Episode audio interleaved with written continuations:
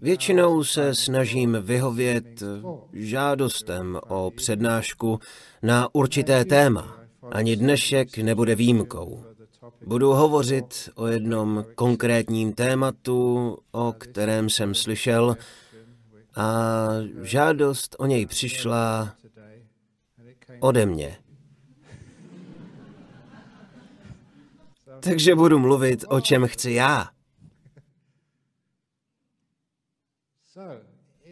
Budu vycházet z jednoho podobenství, které jsem zmínil během devítidenního meditačního kurzu, proto jsem zde také minulé dva pátky nebyl. Učil jsem posluchače v centru Jana Grove, jak sklidnit svou mysl a mít vnitřní klid. Je to podobenství o džinovi v láhvi. Třete láhev, z ní vyskočí džin a nabídne vám tři přání. Zkoušeli jste někdy třít láhev? Já ano, ale žádného džina jsem nenašel. Ale je to také dobrá zpráva. To podobenství totiž znamená, že najdete láhev, třete ji a džin vyskočí z láhve a řekne, splním ti tři přání, řekni mi, co si přeješ. Co byste si přáli? Kdyby to bylo doopravdy a měli jste jen pár minut na odpověď, co byste si přáli? A to je i název dnešní přednášky. Co si doopravdy přejeme? Já Ginovi za sebe na tu otázku odpovím na konci přednášky. Ale ze svého života vím, že bývá dost těžké zjistit, co doopravdy chceme. Na začátku života to bývá jedna z nejsložitějších duchovních otázek. Jak postupně rosteme, občas se naskytne příležitost na chvíli se zastavit a zeptat se sám sebe, co to vlastně dělám. Hlavně v mládí si klademe otázku, kde bych chtěl být, co doopravdy v životě chci. To byl i můj případ. Když jsem ještě studoval, přišla chvíle prvního duchovního probuzení. Zkoušel jsem najít nějaký smysl, nějakou životní cestu. Co jste v mládí zažili vy? Když vám bylo tak 16 nebo 19 a napadly vás podobné otázky, co jste si přáli? A proč? Velmi často neumíme na tuto otázku najít dobrou odpověď. Takže namísto, abychom měli jasno v tom, co od života chceme, spíše napodobujeme to, co dělají ostatní. A to je náš největší problém. Sami nevíme, a tak se díváme, co chtějí a dělají ti druzí a myslíme si, že tak je to určitě správné. Potom spousta lidí stráví celý život jako ovce a myslí si, že když druzí mají obrovský dům, já ho chci taky. Když druzí mají partnera, já ho chci taky. Když druzí jezdí na dovolené, já chci jet taky. Ani vlastně nevíme, proč to všechno chceme. Čistě proto, že všichni ostatní to chtějí taky. Častokrát v náboženství, ve spiritualitě, není mým úkolem pouze vás uklidňovat a chválit, jak jste úžasní, ale taky vás někdy vybídnout, abyste mohli být lepší a měli lepší směr v životě. Podívejte se, jak jste doposud žili. Vynaložili jste tolik úsilí, tolik dřiny. Získali jste už to, co chcete? A nebo to pořád ještě hledáte? Cestou v autě jsem povídal mnichům o jednom komiksu, který jsem viděl před mnoha lety. Jeden z mých oblíbených. Nemyslete si, že komiksy v novinách jsou pro děti. Jsou vtipné, protože bývají velmi hlubokomyslné. Poukazují na nějakou životní hloupost. Tomto konkrétním komiksu byl jen jeden obrázek a na něm několik řad řadových domků, jaké vidíte v severní Anglii.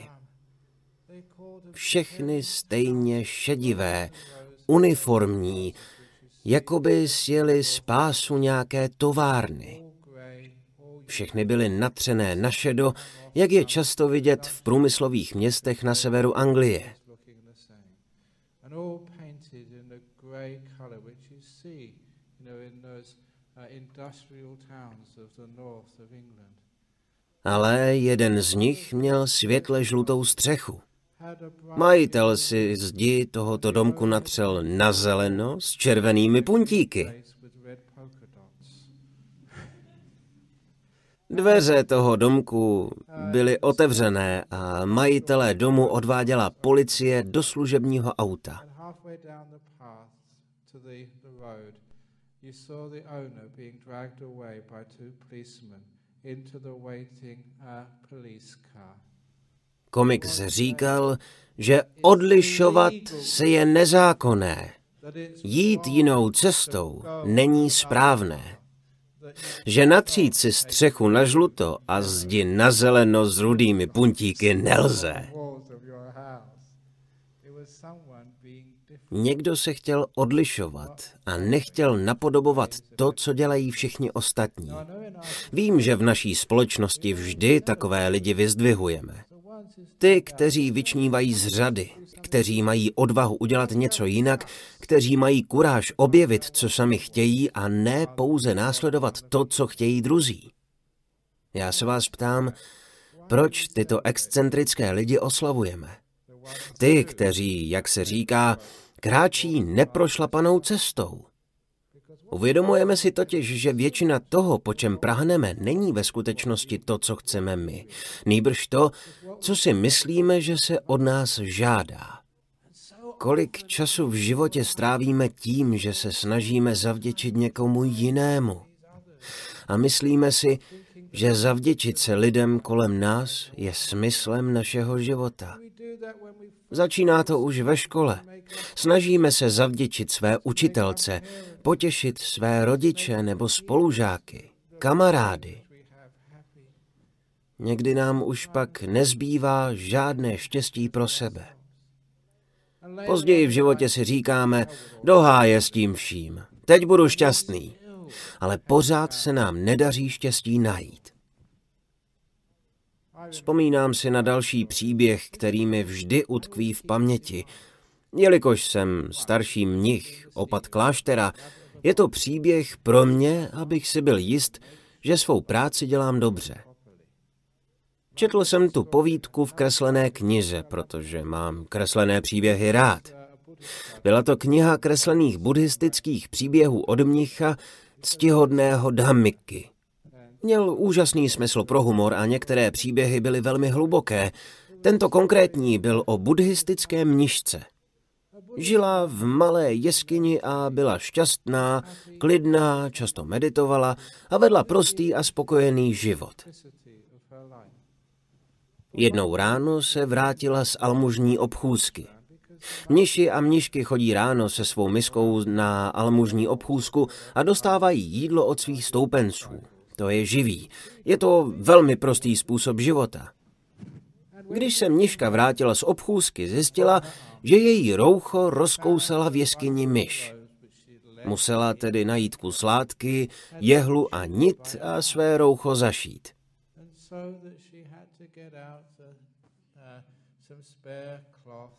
Sám si vzpomínám, že jsme to dělali v Thajsku velmi často. Někdy jsme si museli dávat velký pozor. Pamatuji si na jednoho mnicha, který si pověsil roucho na šňůru, šel na záchod a mezi tím mu ho sežrala kráva. Musíte si uvědomit, že mniši mývají jen jedno roucho. Nemohou jít do obchodu a koupit si nové. Musí si najít nějaký kus hadru a zašít si ho. Takže mniška musela strávit spoustu času zašíváním roucha a řekla si, co kdybych si pořídila kočku. Kočka by tu myš možná nechytla, ale aspoň by ji vyhnala, myš by ji cítila. A tak příští den na almužní obchůzce poprosila někoho z vesnice o kočku, aby se zbavila myší a nemusela pořád látat své roucho. They managed to find a little cat and just let Vesničané ji tedy sehnali malou kočku a problémy s myší skončily. Ale ta kočka potřebovala mléko. Mníška však dostávala od vesničanů jen trochu jídla, takže poprosila někoho ve vesnici, aby jí vždycky ráno během obchůzky nachystal i trochu mléka. Pro kočku, ne pro ní. Její přívrženci byli velmi ochotní a tak jí vždycky dali trochu mléka, ale někdy je to otravné, pořád o něco prosit, tak si řekla, že lepší bude je požádat rovnou o krávu, protože pak bude mít své vlastní mléko a nebude muset pořád někoho obtěžovat. Požádala tedy dalšího přívržence, který měl hodně krav, zda by jí jednu nevěnoval, aby mohla mít mléko pro kočku a neměla myši, které jí ničí roucho. Vesničané byli velmi laskaví, jako vy k nám tady. Takže se jim povedlo sehnat mnižce krávu. Moc pěknou krávu. Ale i kráva potřebuje žrát a tak poprosila vesničany, jestli by nemohli vždycky ráno přinést trochu trávy. Pak si ale řekla, že je to otrava, pořád prosit o trávu, jestli by nebylo možné dostat nějaké malé políčko, nebo jestli by se její kráva nemohla napást na něčí louce. Dobře, řekli jí. Byli to dobří buddhisté, velmi štědří. Dali jí tedy malé políčko, kde se kráva mohla pást. Ale znáte krávy, někdy utečou i na cizí pole, takže pochopila, že někdo musí krávu hlídat, aby nechodila na cizí pole. Potřebuje tedy nějakého pasáčka, aby krávu hlídal.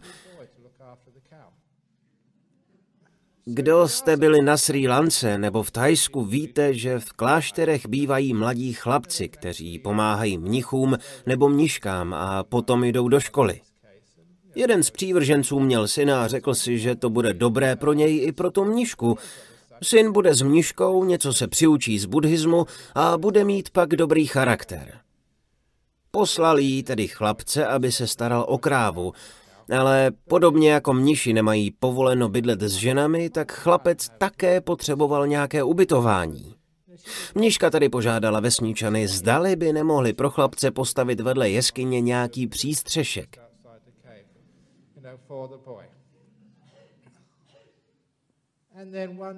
Pak jednoho dne přišel za mniškou nějaký člověk a chtěl poradit s meditací. Mniška je ale odbyla. Nezlobte se, teď nemůžu. Musím dohlížet na dělníky, kteří staví přístřešek pro chlapce, jenž dohlíží na krávu, která se stará o kočku, jež odhání myši, které mi koušou roucho. V tu chvíli si uvědomila, jak je to celé špatně. Tak prostá věc, jako je ochránit roucho před myší, jí dovedla k tomu, že musela mít krávu a pole a kočku a pasáčka a pro něj příbytek. Pochopila, jak si zkomplikovala život. Co tedy udělala? Poslala chlapce domů, vrátila krávu, vrátila pole, vrátila kočku a když se pak vrátili myši, byla vlastně ráda. Roucho zašila záplatou a měla mnohem více volného času, než když se musela o všechny ty věci starat.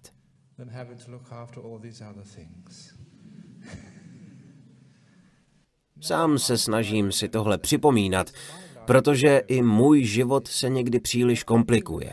Jak je to s vámi? Někdy si totiž říkáme, kdybych měl větší dům, měl bych více prostoru pro své koníčky a přátelé a návštěvy. Pak si pořídíte větší dům a máte na krku větší hypotéku, musíte více pracovat a váš život dopadne stejně nemáte pak čas. Co doopravdy chcete? Ta mniška chtěla prostě jen větší pohodu a trochu víc pohodlí, více času na meditaci a myslela si, že když bude mít kočku, bude mít více času. Ale skutek utek. Po čem doopravdy v životě toužíte vy? Proto se často ptám sám sebe. Po čem doopravdy jako mnich toužím? A přiznávám si to zcela otevřeně. Víte co? V životě se někdy lidé spolu hádají. Jsou to dobří lidé, ale dohadují se, například manželé. Buddha v několika sutách řekl, že to není jen kvůli tomu, co lidé chtějí, po čem touží, ale často také z hlouposti. Proč se hádáte? Co vlastně od svého partnera chcete? Pokud si uvědomíte, co doopravdy chcete, budete mít mnohem méně sporů. Znám klasický příběh, který ukazuje, jak řešit konflikty. Doufám, že jsem ho minule neříkal. Ačkoliv tři týdny jsem tady nebyl, takže i kdyby nevadí. Možná si jej už nepamatujete. Je to příběh o dvou sestrách, které se přetahovaly o pomeranč. Je to klasický příklad toho, jak lze řešit spory. Dvě sestry se hádaly, která z nich dostane pomeranč. Ta první řekla, ty jsi měla pomeranč minule, tak teď zase já. Druhá sestra odpověděla, jenže ty si předtím měla dva za sebou, takže teď jsem na řadě já. Dohadovali se a nemohli se domluvit. Udělali tedy kompromis. Rozdělili si pomeranč na půl. První dáma vzala svou půlku pomeranče, okrájela kůru, vyhodila ji do koše a svou půlku pomeranče snědla. Druhá sestra vzala svou půlku, okrájela ji, do koše vhodila dužinu, protože potřebovala jen kůru na pečení dortu.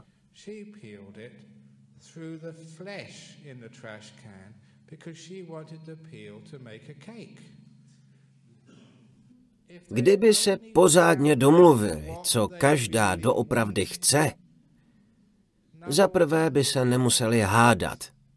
Ty si vezmi kůru a já si nechám zbytek. Žádný problém. A za druhé by pro sebe měli dvakrát tolik. Spousta konfliktů pramení z toho, že jeden druhého neposloucháme a pak nevíme, co ten druhý vlastně chce. Takže pokud byste se někdy hádali, neříkejte, kdo má nebo nemá pravdu.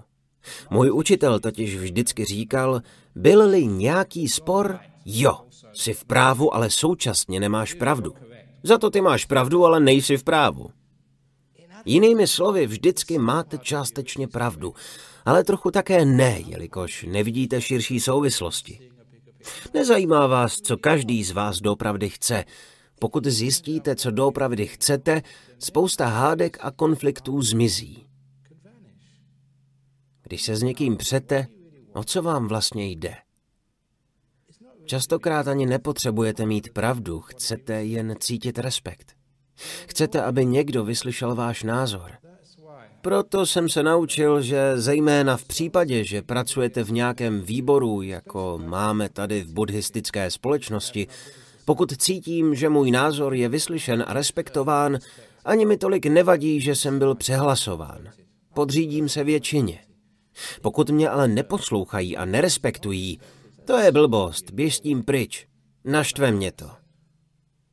Takže si pamatujte, že v partnerství, ať je to práce ve výboru, ve firmě, v klášteře nebo i v manželství, jeden druhého poslouchejte, snažte se ho pochopit, aby cítil, že jeho názor je respektován. Pokud mě přehlasují, nevadí. Aspoň mě poslouchali a respektovali. Protože toto opravdu chceme. Chceme respekt, aby si nás někdo vážil. Protože obvykle, když nám někdo nadává, je na nás zlý a špatně se k nám chová, se cítíme hrozně ponížení. Je to, jako by si nás vůbec nevážil. Takže to, co v životě doopravdy chceme, je úcta, respekt, aby nás měl někdo rád. Další příběh je opět klasický příklad toho, co doopravdy chceme. Krásně sem zapadá. Je to nádherný příběh. Vyprávěl jsem jej před pár dny v Singapuru a měl velký úspěch.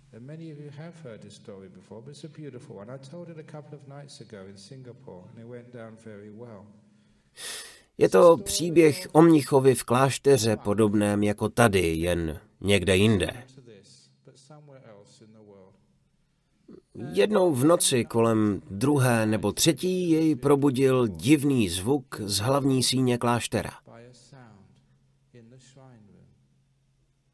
Otevřel oči a říkal si, to bude určitě nějaký mnich, který přišel brzy ráno meditovat.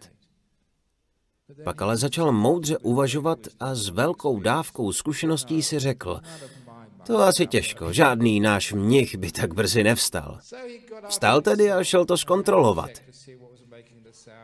Narazil na zloděje. Uviděl lupiče s velikým nožem, jak se snaží otevřít pokladničku. Jakmile zloděj spatřil mnicha, zařval na něj. Vypadni! Kdo si myslíš, že jsi? Rád toho lupiče imituji, aspoň se o to snažím. Přednáška mě pak více baví, když můžu hrát někoho, kým nejsem.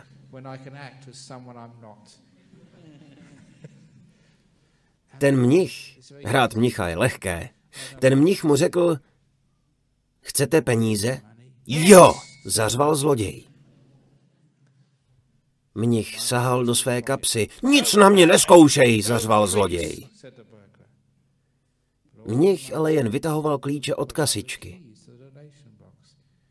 Tady jsou klíče, řekl lupiči. Poslušte si. Co to je? Mnich mu vysvětloval, že tam jsou dary, plody štědrosti, které mají pomáhat lidem. Třeba postavit klášter, ale také pomáhat chudákům, jako byl tento zloděj.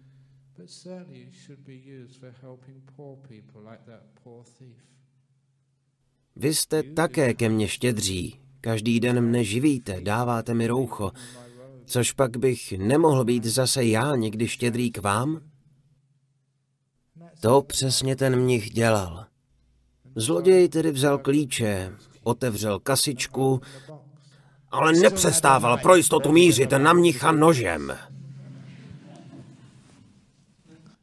Pak otevřel pokladničku a cpal si peníze do kapes.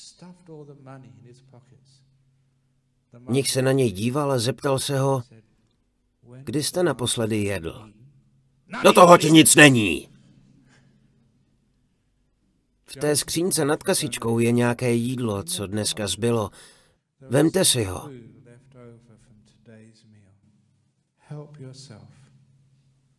To má být trik? Ne, řekl mnich. Poslušte si. Zloděj otevřel skříňku a naplnil si zbytek kapes jídlem.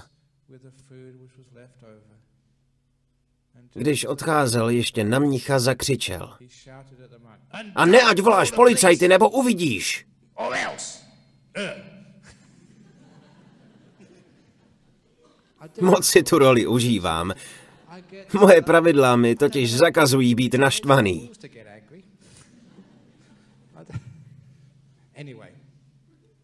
Nicméně mnich mu řekl, proč bych měl volat policii. Ty peníze jsem vám dal. I to jídlo. Nic jste neukradl. Jděte v pokoji. Přeji vám hezký den. Zloděj zmizel. And in the morning, Druhý den ráno se mnich svěřil pokladníkovi a členům vedení, co udělal. A já jen doufám, že pokud bych něco podobného zde udělal já, vedení naší buddhistické společnosti by mě pochválilo za takový úžasný skutek. Za to, že konečně někdo uvádí buddhismus do praxe skrze laskavost a soucit. Co pak tohle nehlásáme? Tak nemohli bychom to i praktikovat? Klášter sice přišel o trochu peněz, ale není snad důležitější šířit příklad soucitu a štědrosti? Přesně tohle ten mnich udělal.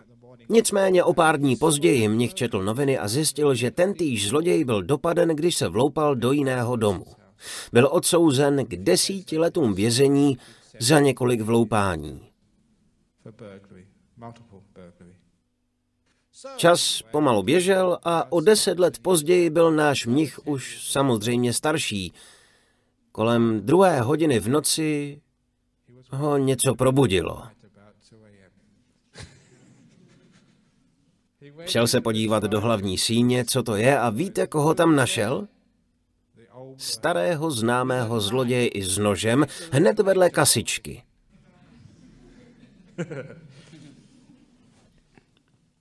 Lupič se mnicha zeptal, pamatuješ si na mě? A mnich na to, jasně, že vím, kdo jste. Tady jsou klíče, prosím, poslušte si. A jídlo je, víte kde. tu chvíli zloděj odložil nůž.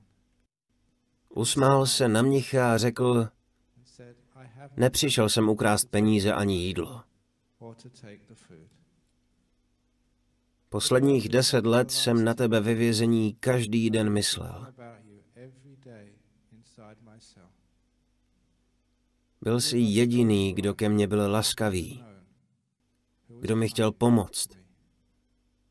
Dokonce si mi nabídl jídlo, přestože jsem přišel vyloupit klášter.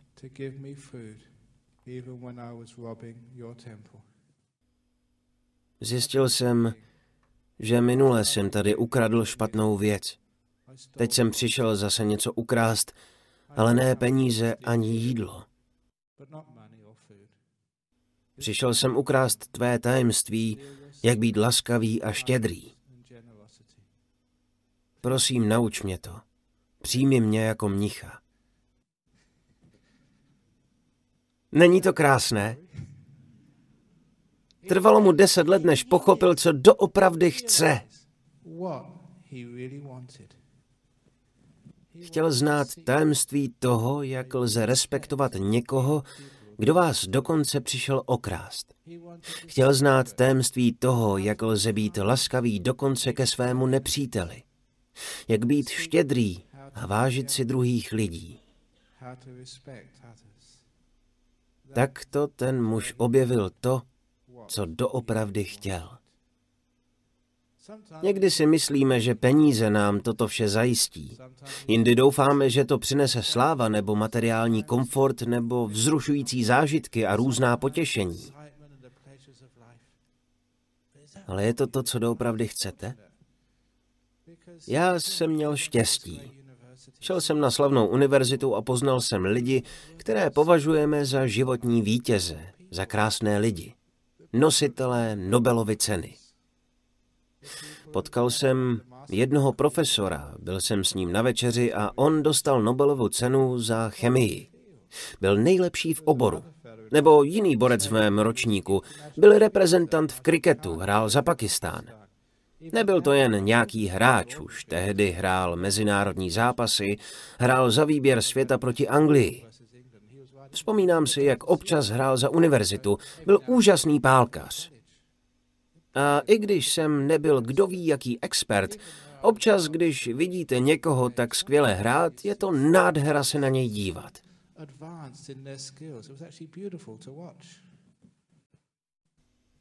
Znal jsem ho. Viděl jsem špičky v oboru. Znal jsem je osobně, ale nevypadali moc šťastně. Něco tam chybělo. Něco v jejich životě chybělo. Taky bych byl rád světovým hráčem kriketu nebo nositelem Nobelovy ceny, nebo jiným člověkem, lordem, neskutečně bohatým, ale neměnil bych s nimi. Něco jim scházelo.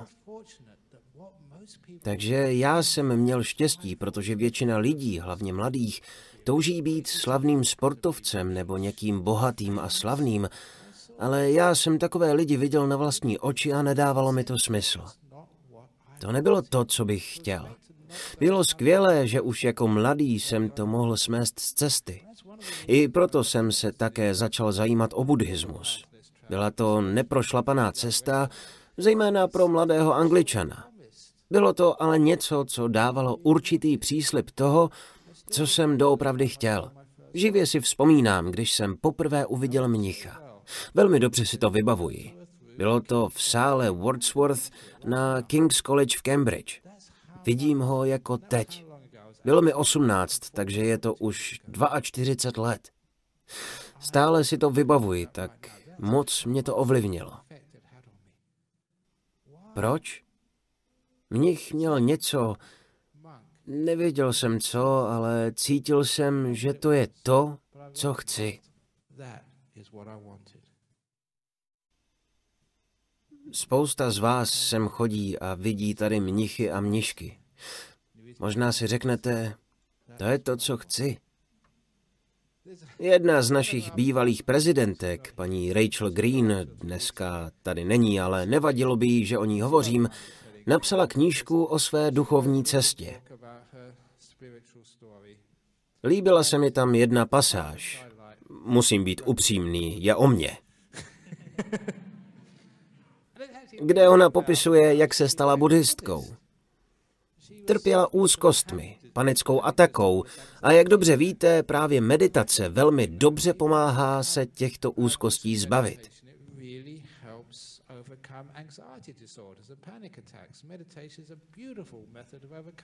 Mnoho lidí to zná.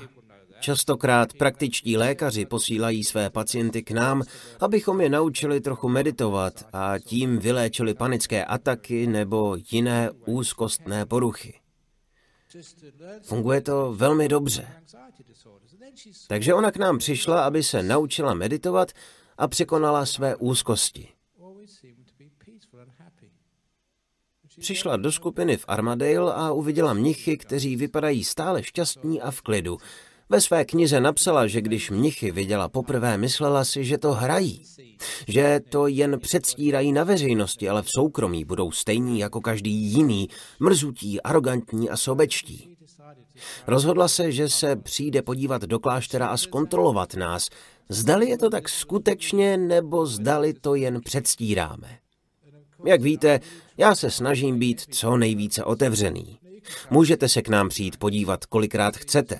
I tehdy, když nejsme ve střehu nebo na veřejnosti. A doufám, že zjistíte, že tak, jak se chováme tady, se chováme stále. Když to paní viděla, řekla si, nevím sice v čem ti mniši jedou, ale ať je to cokoliv, já to chci taky.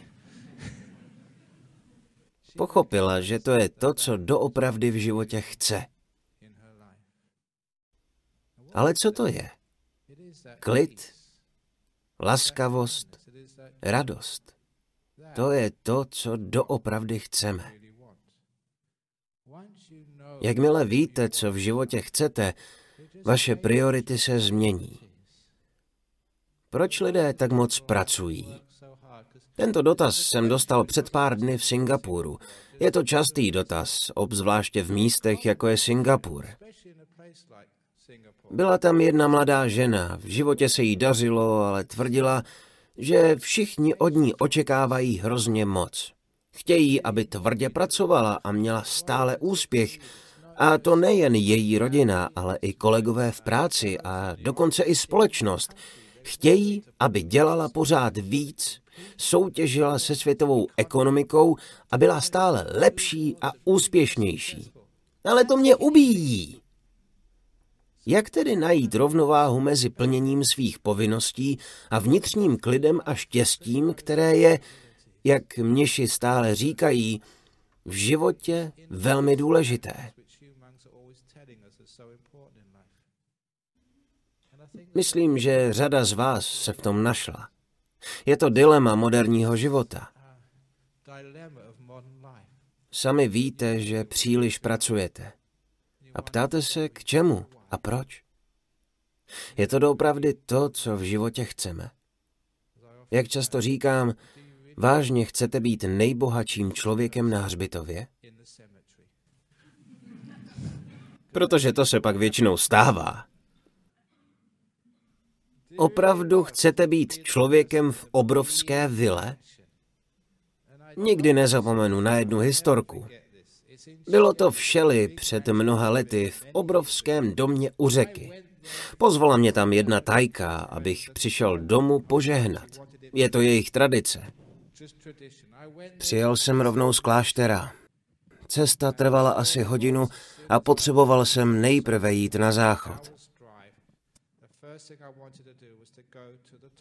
Nikdy na to nezapomenu. Měl jsem si ten papír schovat. Musela mi nakreslit plánek, abych ten záchod vůbec našel. Tak obrovský to byl dům. U vás doma by to bylo třeba jen dolů a doleva, ale v jejím domě to bylo rovně tou chodbou, pak zahnout doleva, pak zatím vpravo, pak zpět, po schodech nahoru. Nevím už přesně, ale nějak tak. Ranila mě jedna věc. Po skončení obřadu jsem se jí zeptal, a kolik tu bydlí lidí? Odpověděla já sama. Nevím, kolik tam bylo pokojů, snad 12 nebo 15, ale ona tam žila sama. Ptal jsem se jí, jak je to možné. A co nějací příbuzní? Řekla mi, že má z příbuzných hrůzu. Proč? Bojím se, že přijdou a budou po mně chtít peníze. Stejné je to s mými přáteli. Vidí jen mé bohatství, mě nevidí. Proto pořád něco chtějí, proto z nich mám strach. Byla vězněm svého bohatství. Měla strach a neměla žádné přátele. Já jsem si říkal, je to to, co doopravdy chtěla. Tak prosím, nikdy nezáviďte hodně bohatým lidem. Je to prokletí. Pokud jde o vás, podívejte se, co všechno máte. Co pak to nestačí?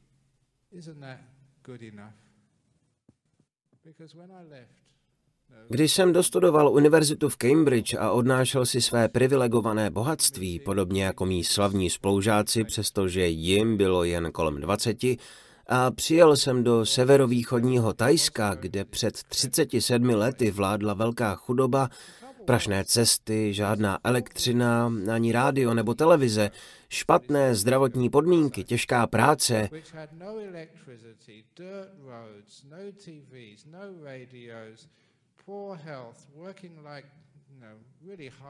Přesto tam lidé vypadali velmi šťastně. To byl pro mě obrovský šok. Myslel jsem si, že tam přijedu a nějak bych jim měl pomoct. Pomoct eh, s rozvojem vesnice, zavést elektřinu, zlepšit zdravotnictví, postavit školu nebo nemocnici, něco pro ně udělat. Ale pak jsem si uvědomil, že ti vesničané pomáhají mnohem více mně. Nikdy jsem tak šťastné lidi neviděl. Jeden z mých prvních dojmů, který se mi vtiskl do paměti, byl jsem v té oblasti teprve pár týdnů. Šli jsme večer do vesnice, někdo se myslím ženil a šli jsme mu dát požehnání. Procházeli jsme vesnicí, domy byly postaveny na kůlech, dole měli buvoly a nad nimi otevřenou terasu.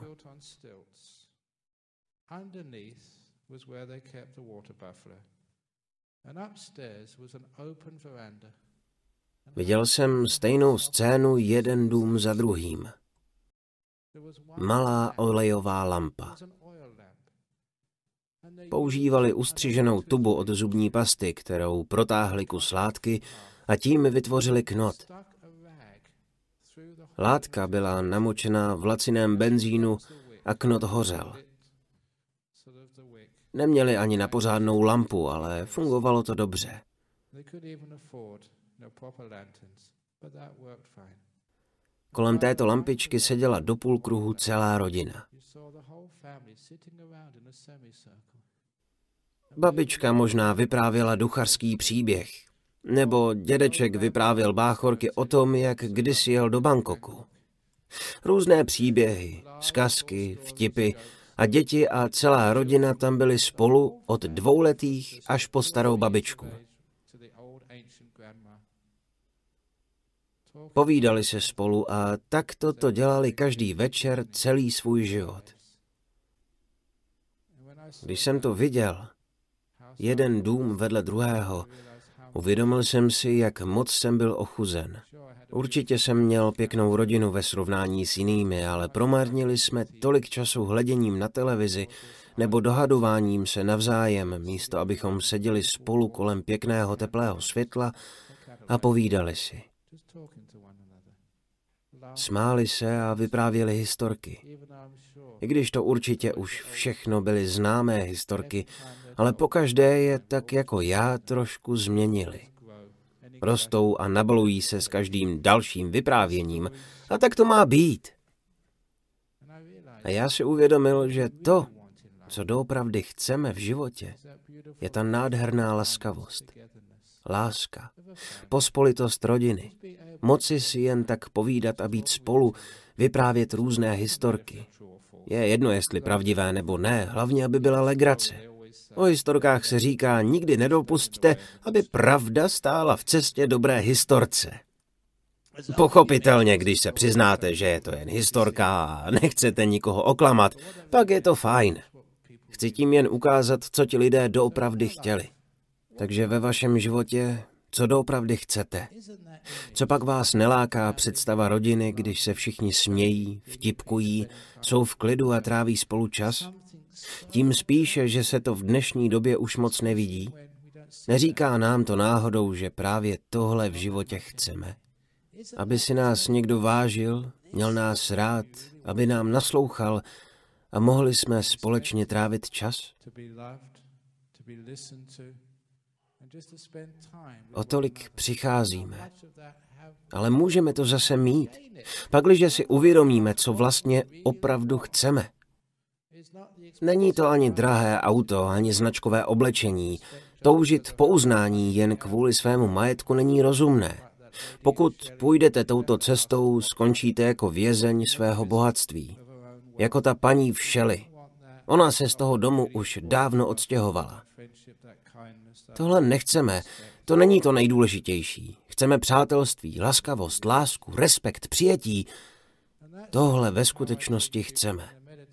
Stejnou věc učím lidi při meditaci. Dlouhou dobu, když jsem praktikoval meditaci, jsem se sám sebe ptal, co vlastně chci. Chci hlubokou meditaci, chci osvícení. Takový přístup vám ale přinese jen frustraci, jeden rok za druhým. Prosím, nekráčejte touto cestou. Takže ti z vás, kdo zkoušíte meditovat a nejde vám to, položte si otázku, co vlastně chci. To, co doopravdy chcete, je trocha klidu, respekt, laskavost, trocha lásky sami k sobě. Proto když vyučuji meditaci, říkám lidem, že pokud bych já chtěl hlubokou meditaci, osvícení nebo nadpřirozené duševní schopnosti, nikam bych se nedostal. Namísto toho vše přijmu s klidem. Jsem laskavý a vlídný. Svou mysl respektuji. Někdy všude možně bloumá, jindy je unavená. Hodně pracuji, hodně cestuji a je přirozené, že jsem někdy unavený. Takže jsem si uvědomil, že nic nechci. Jen nádherný klid, laskavost a soucit sám k sobě. Chci být se sebou v pokoji. Není to náhodou to, co chcete taky? Když si položíte otázku, co vlastně chci, spousta problémů vašeho života najednou zmizí jako mávnutím kouzelného proutku. Dokonce, když onemocníte nebo zestárnete, co si skutečně přejete, když onemocníte nebo zestárnete? Co pak to není tak, že většina nemocných si přeje, aby se s nimi jednalo jako s lidskou bytostí a ne jako s chorobou? Častokrát radím lidem, kteří jdou na návštěvu do nemocnice za někým blízkým, aby se v žádném případě neptali, jak ti je. To je to nejhloupější, co můžete říct. Co tím myslíte, jak ti je? Ten člověk je v nemocnici, je nemocný. Tuto frázi nikdy neříkejte. Pokud bych já byl v nemocnici, určitě by se mě všichni doktoři i sestry neustále ptali, jak mi je. Co ten člověk chce doopravdy slyšet, je něco přátelského, že o něj máte zájem. Jak se máš? Co pro tebe můžu udělat? Slyšel jsi zprávy? Zabili Usamu bin Ládina. Víš o tom? Co na to říkáš? Ten člověk je sice v nemocnici, ale chce si povídat, jako byste si povídali se zdravím v kavárně nebo doma. Protože on chce cítit přátelství, být vnímán jako člověk. Takže prosím, půjdete-li za někým do nemocnice, nemluvte s chorobou, mluvte s člověkem. To je krásná rada, jelikož já bych si to přál stejně. Nevím, jestli jste někdy leželi v nemocnici, ale když chodí návštěvy, někdy stále dokola opakujete svou diagnózu. Doktor říkal, že mě možná za tři dny pustí a pak mě čeká toto, přijde někdo další a doktor říkal, že mě možná za tři dny pustí a tak pořád dokola. Říkáte každému to samé, z toho se můžete zbláznit a je vám pak opravdu zle. Tak to prosím nedělejte. Není skvělé, když ležíte v nemocnici a někdo vás bere jako normálního člověka? A ne jako chorobu? Protože tohle ve skutečnosti chceme. Je fajn se uzdravovat, ale to, co chceme, je být respektován a milován jako lidská bytost, ne jako choroba. Stejně tak, když někdo umírá, taky chce, aby ho někdo měl rád a pečoval o něj. Pokud se uzdravím, skvěle. Ale jednoho dne stejně umřu a chci umřít dobře. To, co v životě doopravdy chceme, je vnitřní klid, laskavost a soucit. Proto je důležité pochopit, co v životě doopravdy chceme. Tak, jako jsem odpověděl té paní, co se ptala, jak nalézt životní rovnováhu. Můžete mít vše, co chcete, pakliže pochopíte, co v životě doopravdy chcete. Spousta lidí však zemře dříve, než sami zjistí, co v životě vlastně chtěli. Takže položte si teď a tady otázku. Co doopravdy chci? Pokud by po přednášce vyskočil džin z láhve a řekl vám, splním vám tři přání. Která to jsou? Uměli byste mu odpovědět?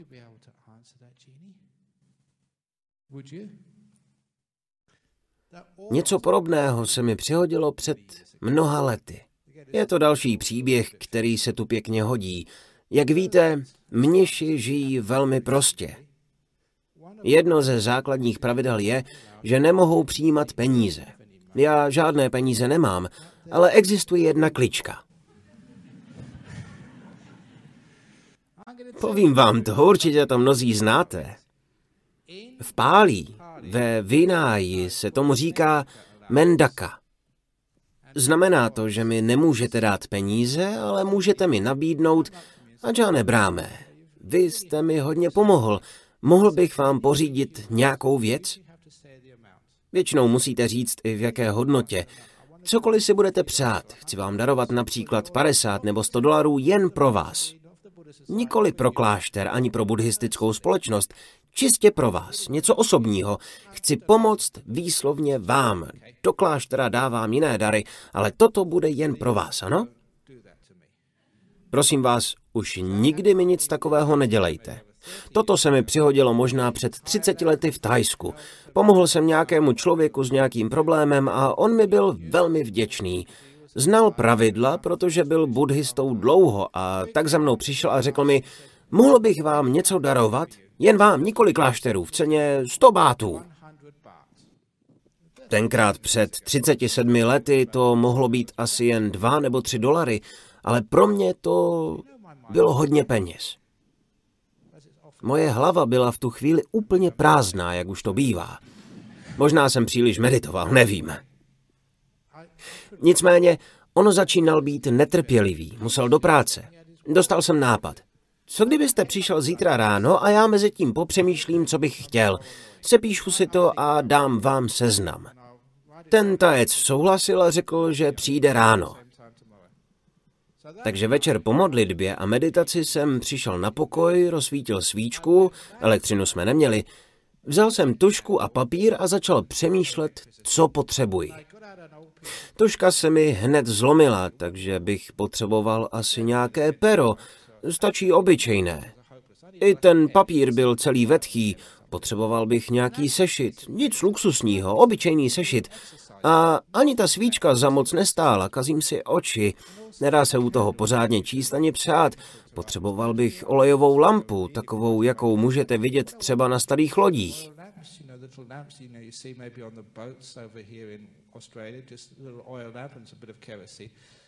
Když už se bavíme o světle, moje stará baterka už je fakt hrozná. Potřeboval bych novou a k tomu pár baterií. Když jsem to všechno sepsal, zjistil jsem, že 100 bátů nebude stačit. Ale bylo hrozně těžké teď něco ze seznamu vyškrtnout. Když jsem se nad tím zamyslel, nechápu, jak jsem bez toho mohl být. A vlastně potřebuji ještě nové sandály, abych mohl chodit do lesa. A ještě bych potřeboval dopisní papír, abych mohl psát dopisy domů. Najednou mi nestačilo ani tisíc bátů.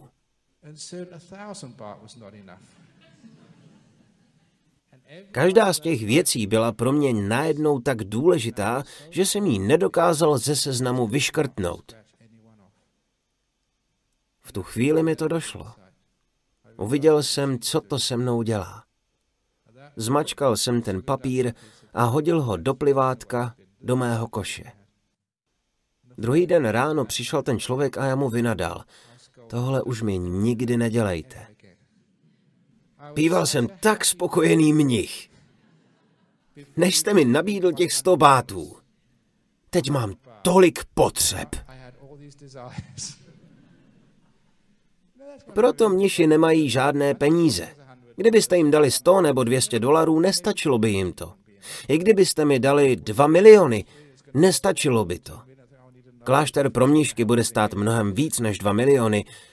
Kde jen seženo další milion? Vidíte, co se děje? Chtění nemá konce. Touha po materiálních statcích nemá žádný konec. Proto musíte tak tvrdě pracovat, dokud neumřete. Stejně jako vaše úspory na penzi, na které tak dřete. Máte už jich dost? Pochopitelně, že ne. Proto lidi pracují i v sedmdesáti. Lžou o svém věku a stále se snaží něco vydělat. Kdy už konečně budeme mít dost? Proto říkám, že to jediné, co chci, je mít klid. Být spokojený. Žiju v jeskyni, nejsem pokrytec. Jím, co mi dáte. Nemám značkové roucho. Člověk toho tolik nepotřebuje, aby byl šťastný. To, co potřebujete, je spokojenost. To, co doopravdy chci, je vnitřní klid, spokojenost, laskavost. Čím doopravdy žiji, je letět ze Singapuru rovnou sem, abych tady mohl dnes večer přednášet a zítra zase zpět do Singapuru.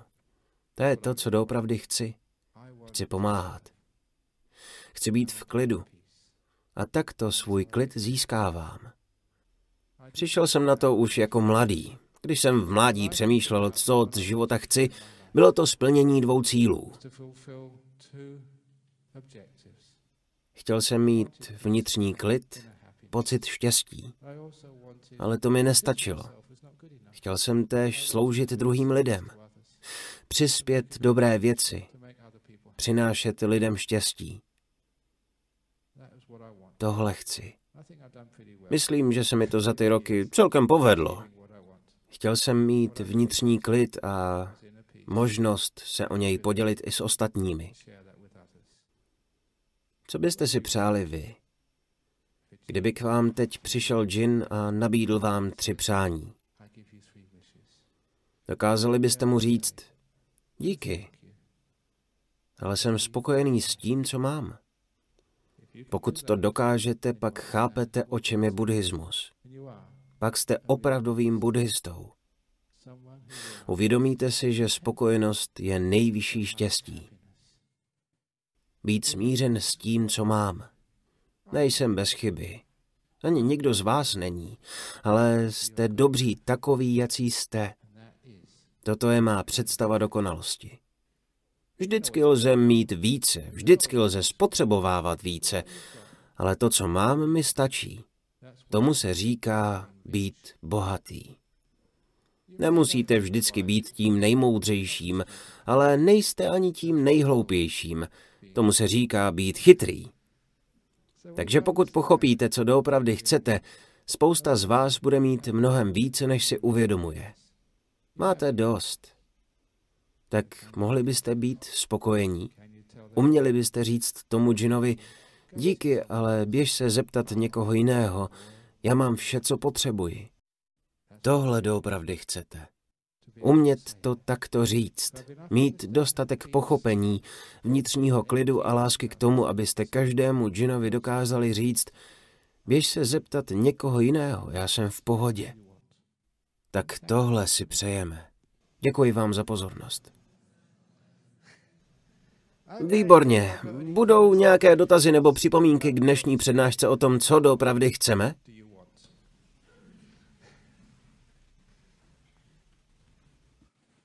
Any comments or questions? Aha. Buď jsem vás unudil, anebo... Aha, Eddie, tak prosím. Chcete nám říct něco z Abidhámy? Ty bláho. Spokojenost je nejvyšší štěstí, to řekl Buddha, nikoli Abidháma. Zdraví je největší bohatství. To znamená, že o veškeré bohatství přijdete, protože všichni nakonec o své zdraví přijdeme. Což je pravda. Ani bohatství, ani zdraví si sebou nevezmete. Za to spokojenost si sebou můžete vzít kamkoliv. Takže prosím, važte si toho, co máte. Chcete-li něco dalšího, neužijete si to, co už máte. Přemýšlejte o tom. Chcete-li něco dalšího, neužijete si to, co už máte. Tak užijte si víkend s tím, co máte, místo toho, abyste chtěli něco dalšího.